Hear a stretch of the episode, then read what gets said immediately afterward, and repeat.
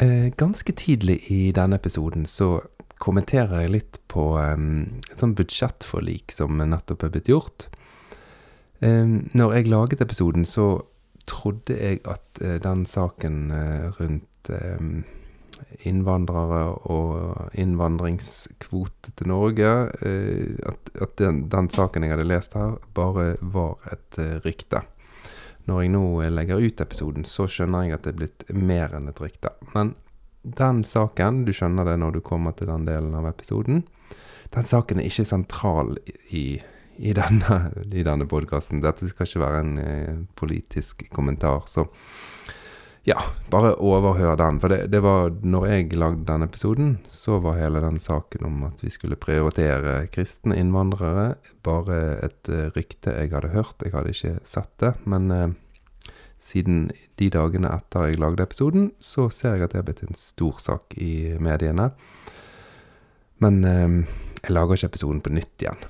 Den kommer nå, og du kan kose deg med den. Vær så god.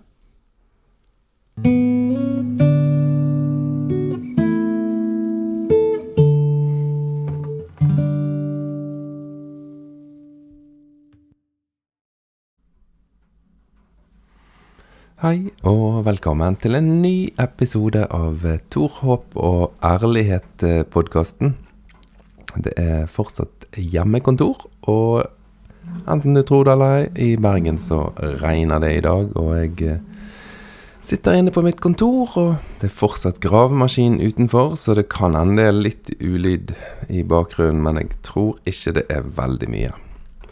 Tor Håkon Eiken heter jeg, og jeg setter som sagt enorm pris på at eh, du har valgt å lytte til Torhopp og ærlighet-podkasten. Takk for eh, tilbakemeldinger, og takk for spørsmål og mailer.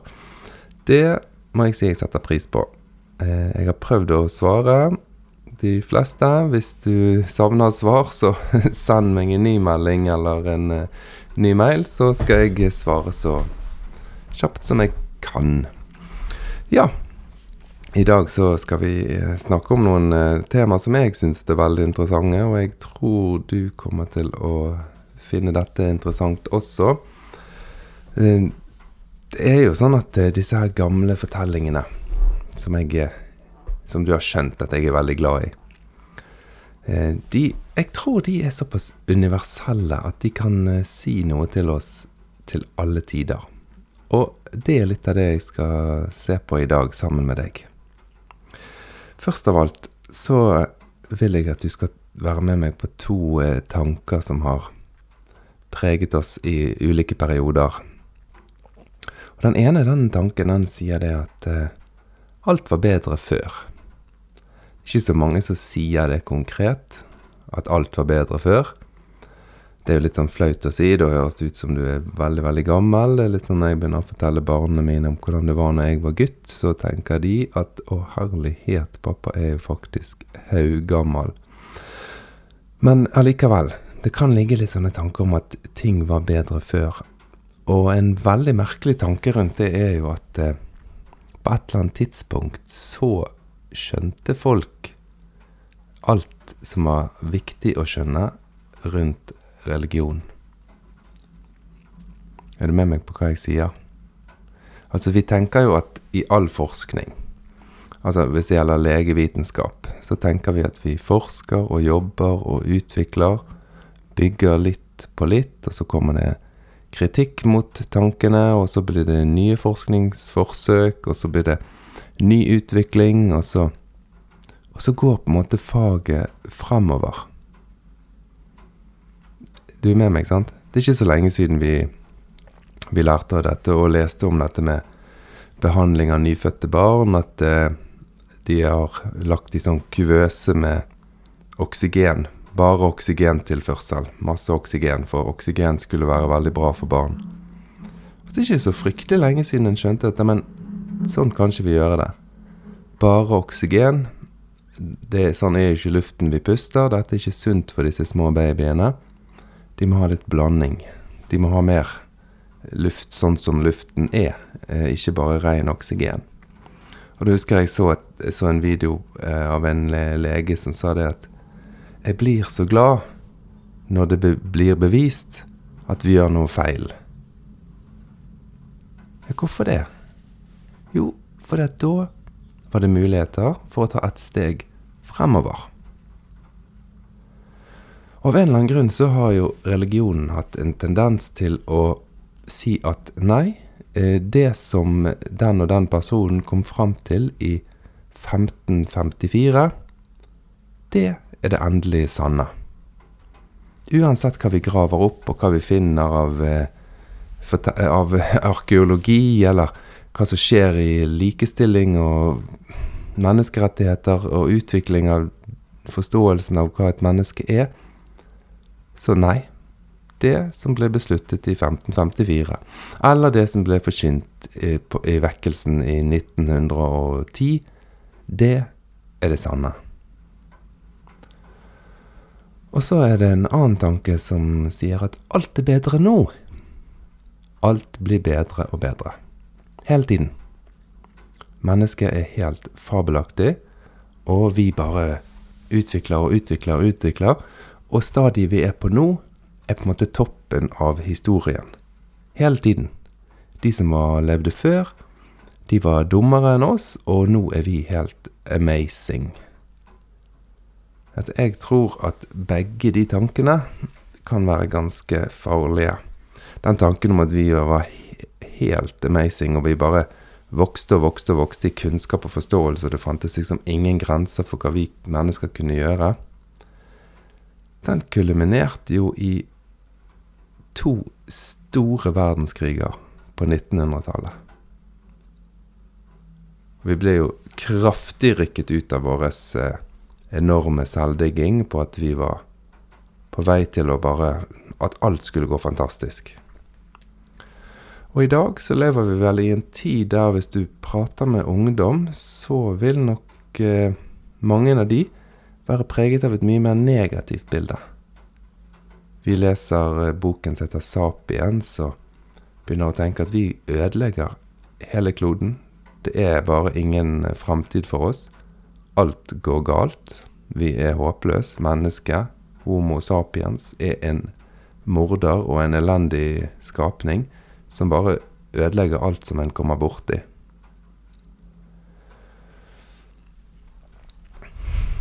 Ja, jeg tror kanskje ikke sånne tanker heller er verdt å dra helt til sine ytterpunkter. Men jeg tror vi trenger å være klar over at alle disse tankene kan ha noe i seg. Det er sånn som jeg ser det, da. Uten å tro at jeg har fullstendig svar på hvem mennesket er, og hvordan vi kommer til å utvikle oss videre. Men jeg tror kanskje vi bør ha litt alle disse tankene gående samtidig. Ja, vi er faktisk helt forferdelige. Vi utrydder dyrearter, vi brenner ned skoger. Vi sørger for oss sjøl, punktum. Og så sørger vi for andre hvis det kan gagne oss sjøl. Vi har den siden. Og så har vi den siden at vi utvikler og utvikler og utvikler og finner helt utrolige ting. Vi finner ut og finner på og oppfinner og skaper helt fantastiske ting. Altså Legevitenskapen er jo et, det er som et, mirakel hver eneste dag, sant. Og så fins det nok mennesker som har levd før oss. Kanskje. De personene på 1500-tallet så noen sannheter som er verd å ta med seg, som er verd å ta vare på. Og klart at det er utfordrende å skulle tenke mange sånne tanker parallelt. At vi er strålende, vi er forferdelige. Vi utvikler og har kommet frem til ting som var utenkelig for noen, bare noen år siden. Men de som levde før oss, kan også ha kommet frem til noen ting som er viktig at vi husker på. Så det er litt av utfordringen i dag. Det å så ta vare på det gode, men bevare ydmykhet i forhold til at vi også har i oss å gjøre helt forferdelige ting. Jeg håper jo bare det er et rykte, da, men jeg mener at det var TV 2-nyhetene som på nett som eh, kommenterte at eh, i dette her eh, forliket, budsjettforliket som eh, blir inngått nå blant eh, regjeringspartiene, så er det snakk om at det skal I forhold til flyktningekvoter, så er det snakk om at det skal legges en, en føring for at kristne flyktninger skal prioriteres. Jeg håper det bare er et rykte. Men det er jo litt sånn tegn på at vi mennesker, vi, vi trenger å kjenne historien vår så er det noe som har vært ufattelig ødeleggende. Så er det den tanken min religion er bedre enn din religion. Jeg, har, jeg lever på et sted i verden som er kommet så mye lenger enn deg. Så nå, lille venn, nå kommer jeg her og forteller deg hvordan du skal tro, og hvordan du skal leve, og hvordan kulturen din skal være. For jeg kommer fra the superior Europa. Altså, når sånne tanker kan hvis det stemmer, da. Nå er det et rykte, så vi tar ikke det Eller det sto i avisen, eller på nettavisen. da. Men hvis det er tilfellet, så viser det at vi trenger å lese historie. Vi trenger å skjønne hva vi har gjort før. Det var en lang innledning. Nå skal jeg eh, fortelle litt eh, en, en, fortelling fra Ja, du gjettet riktig fra første Mosebok. En av de virkelig gamle fortellingene skal vi se på i dag også. Eh, og før vi gjør det, så har jeg bare lyst til at du skal vite det at mange av disse fortellingene, de har levd i tusenvis av år. Ja, Tor, det har du nevnt før. Ja, men jeg har lyst til å poengtere det. Det er en grunn til at disse fortellingene har blitt overlevert og overlevert og overlevert igjen og igjen og igjen fra generasjon til generasjon til generasjon. Og det er en Jeg tror at det er fordi at de inneholder en del sånne universelle tanker som sier noe om det å være menneske. Vi kan kjenne oss igjen i de. Og disse fortellingene de har vi funnet nå i ulike religioner. Mange av de langt, langt, langt tilbake i tid. Altså for eksempel fortellingen om Noah. Så den er funnet i, i vediske skrifter fra jeg vet ikke, jeg, kanskje 1000 år, 1500 år før Kristus. Og så han, og det, da snakker du om borte i, i India. Og så har du også funnet en fortelling om en eh, familie som blir reddet i en båt, som får beskjed av gudene om å ta vare på dyrene sånn at de overlever katastrofen som kommer.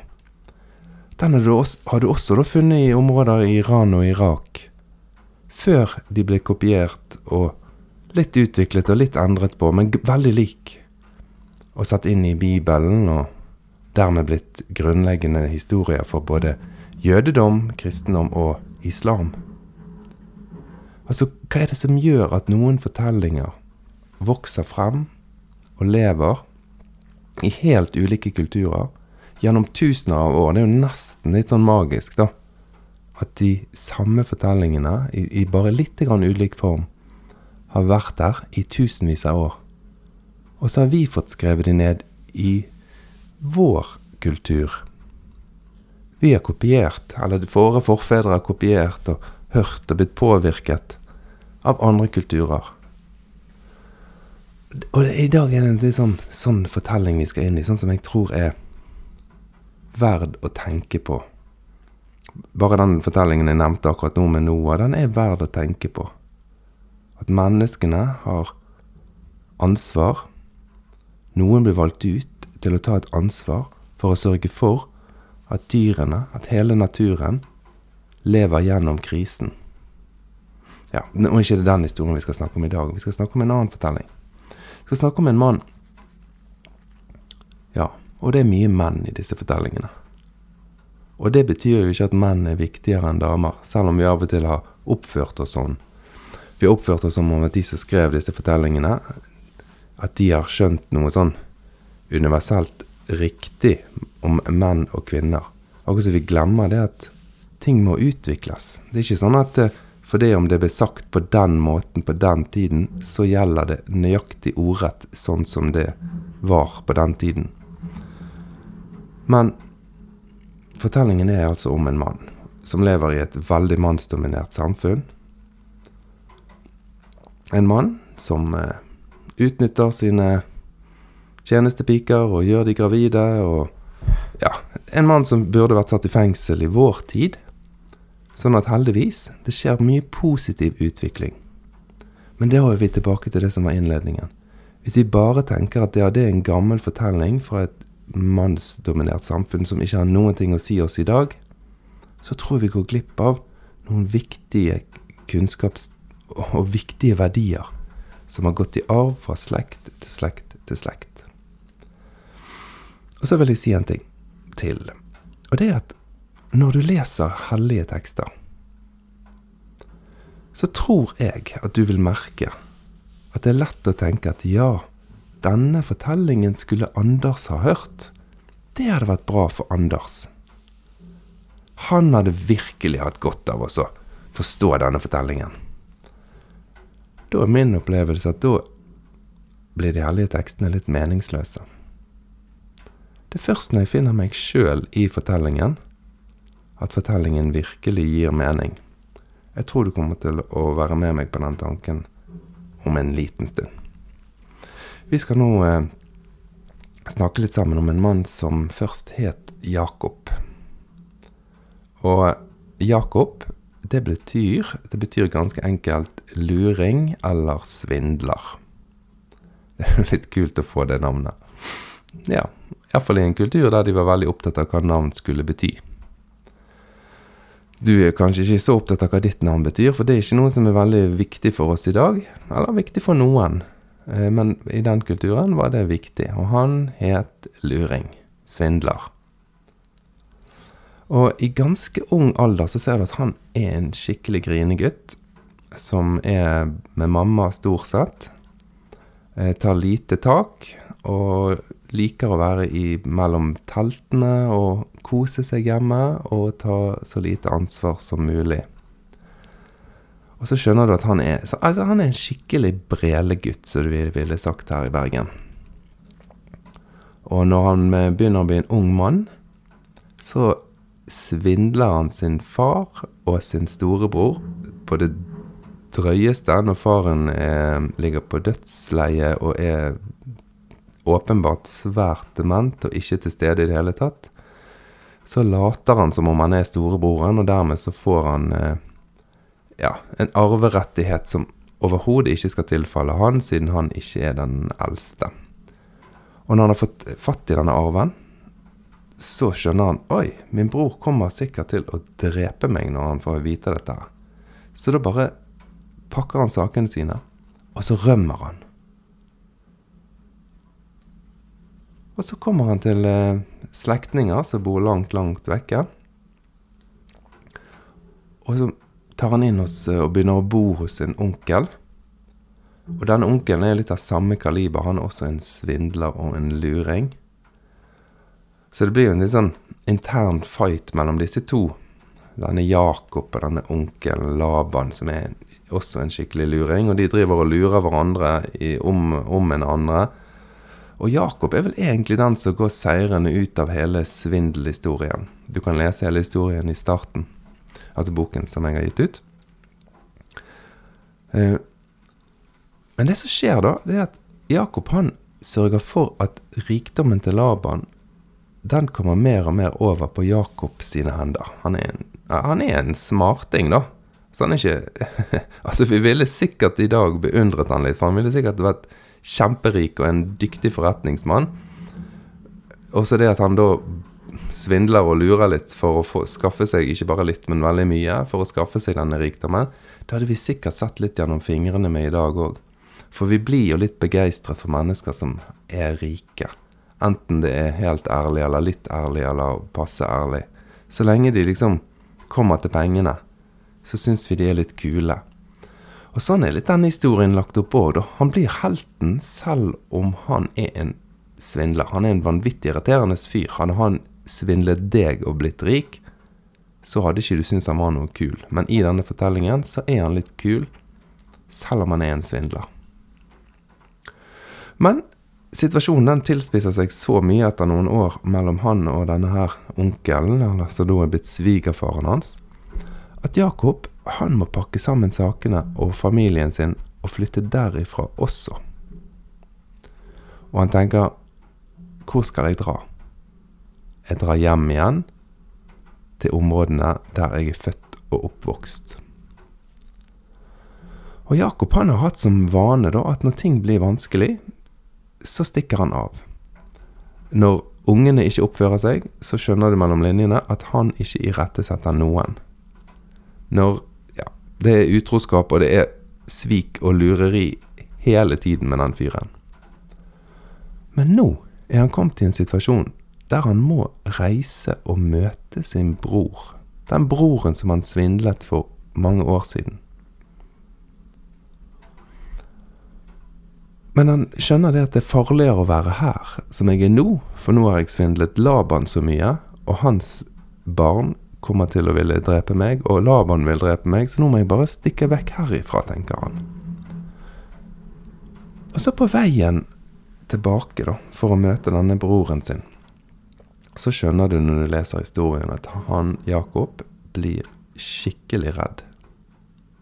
Og han har lyst til å stikke av igjen. Men nå kan han ikke stikke av. Og da står det utrolig fint. Det står det at uh, da kom det en mann, altså på denne reisen. Da kom det en mann og møtte Jakob om natten.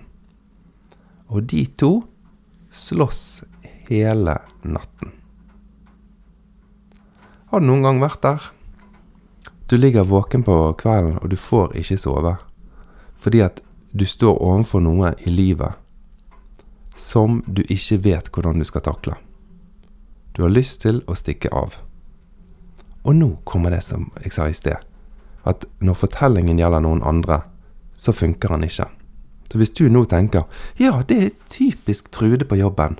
Hver gang det er en vanskelig sak, så bare stikker hun av. Hun tar ikke noen konfrontasjoner. Hun vil ikke snakke ordentlig med noen.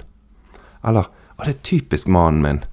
Når vi kommer til noe personlig og vi må snakke sammen, så bare gir han seg. Da bare Nei da, da skal han ut og spille golf.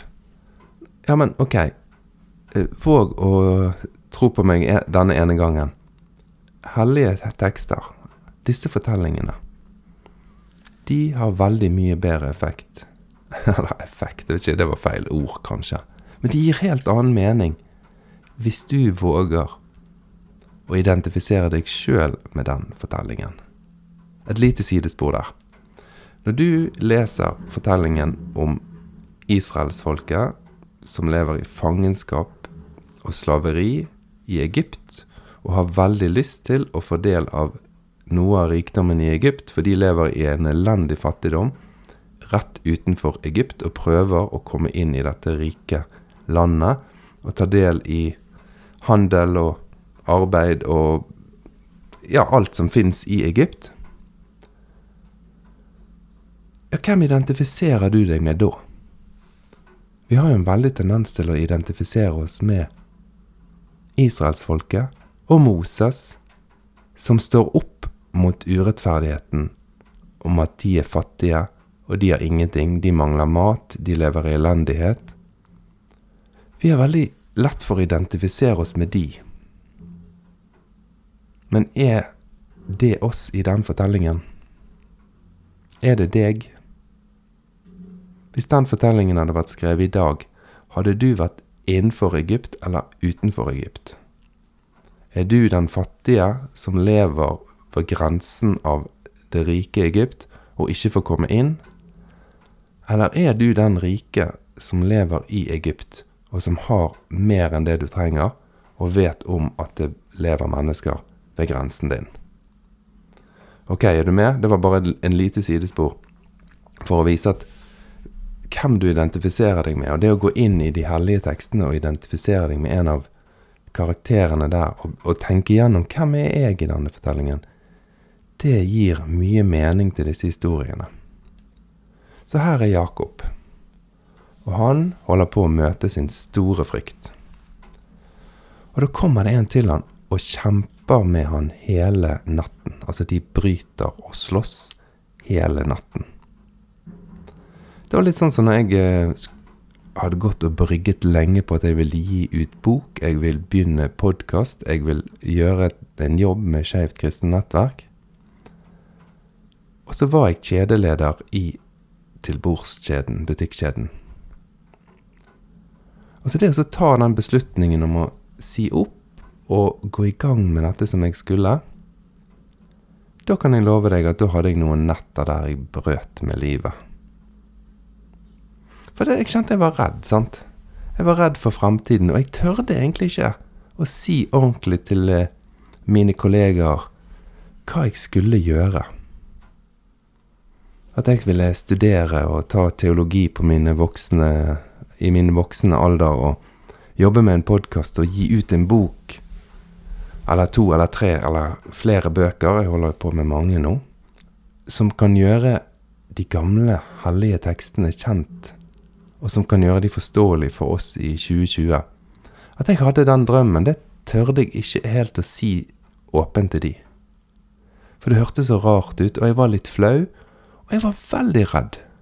Jeg var veldig redd for økonomi, og det at jeg hadde på en måte fått bygget meg en karriere der jeg hadde god lønn og ja, litt sånn, hva skal jeg si, det var litt status, rett og slett, å ha en så god jobb. Og så kjente jeg liksom på Oi, hva er det jeg gjør? Dette tør jeg nesten ikke fortelle. Hva kommer de til å tenke om meg? De kommer sikkert synes jeg er veldig rar. Hvem gjør noe sånt? Hvem sier opp noe som er en drømmejobb, og der alt er på plass, og der du jobber med veldig dyktige folk? Ja. Så da hadde jeg noen sånne netter der jeg brøt med livet. Og her forteller denne fortellingen om Jakob, som er i, et, i en valgsituasjon der han må konfron konfrontere sine valg tidligere og sitt liv og de tingene som han hele tiden har unngått. Alle personlige, ekte, nære samtaler har han unngått. Han har lurt seg unna, han har svindlet og stukket av. Og nå ligger han og prøver å sove, men det går ikke. Hele natten bryter han. Og det som kommer ut av denne fortellingen, er at den som Jakob bryter med, han, den personen slår Jakob i hoften. Sånn at Jakob alltid, for resten av livet, halter. Han kan ikke lenger stikke av. Han kan ikke lenger trekke seg unna når det kommer vanskelige ting som han alltid har trukket seg unna. Og Jakob han sier det etterpå, når morgenen er kommet og solen står opp, at jeg har kjempet med Gud, og jeg har vunnet. Er ikke det en litt sånn snodig tanke? Her er det en som er skadet for livet etter en hel natts brytekamp. Han kan ikke lenger rømme. Han kan ikke lenger stikke av. Han er skadet for resten av livet. Men han sier han har vunnet. Hva er det forfatterne prøver å si oss her?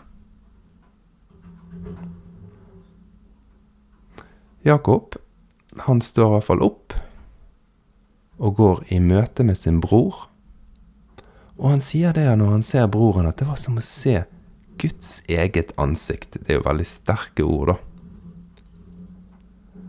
Men han blir så glad av å møte sin bror. Denne broren som han har prøvd å stikke av fra hele livet. Denne som han har unngått.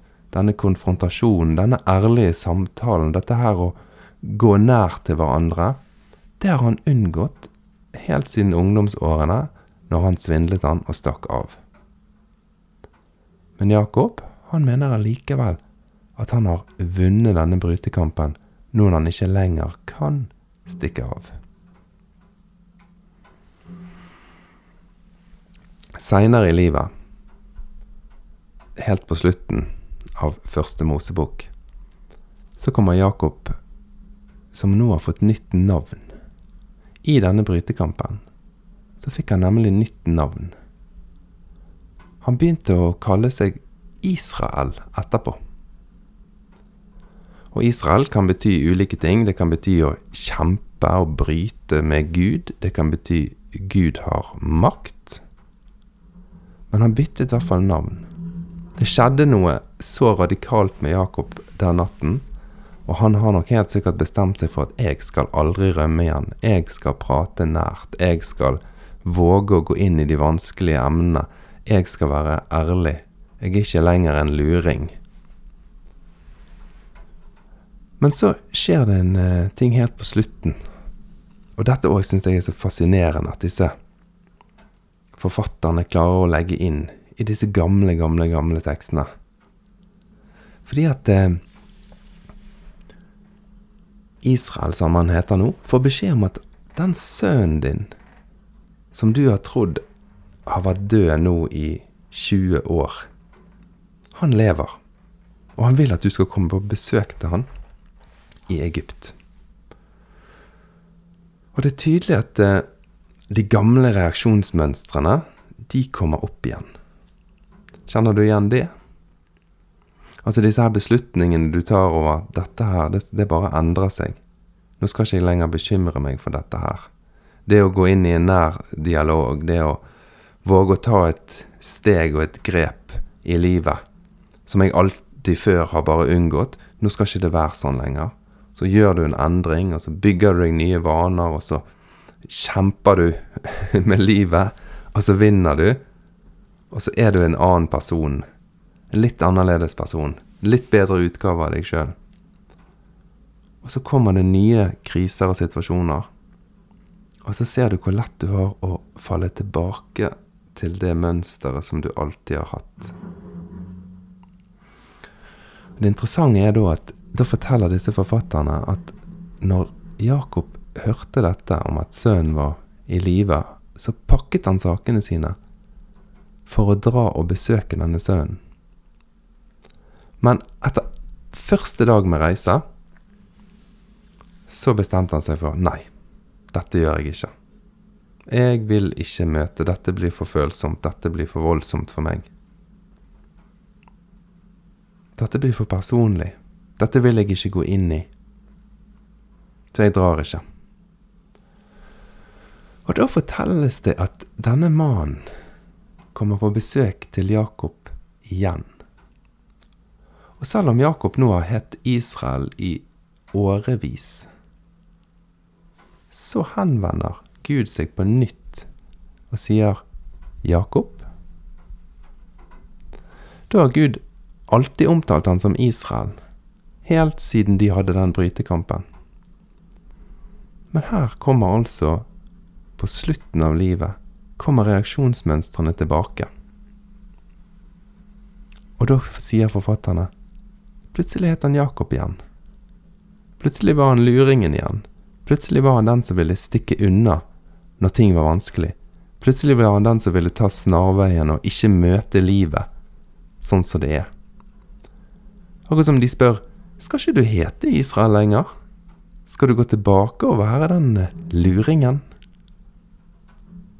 Da bestemmer Israel seg for å være Israel, og drar og møter sønnen sin.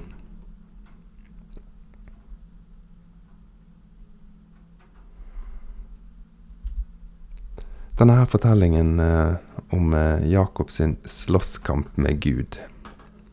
Så kan du kanskje spørre ja, skjedde det?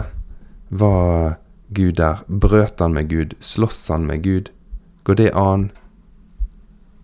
Det er ikke det som er interessant, tenker jeg i hvert fall.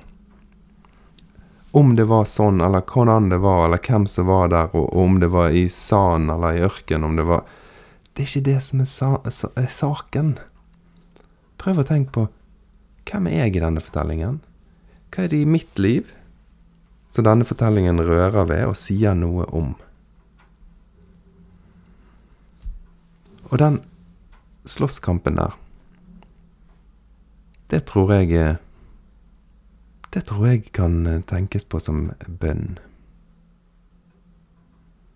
Vet, bønn det er et ord som vi bruker i alle mulige sammenhenger, eller ikke alle mulige sammenhenger, men mange sammenhenger der vi har lært oss ulike ting om hva som skal til for at Gud skal høre oss og gi oss det svaret vi vil, osv. Men det å kjempe med livet, det å møte livet, det å bryte med livet, bryte med livets utfordringer, det er også bønn.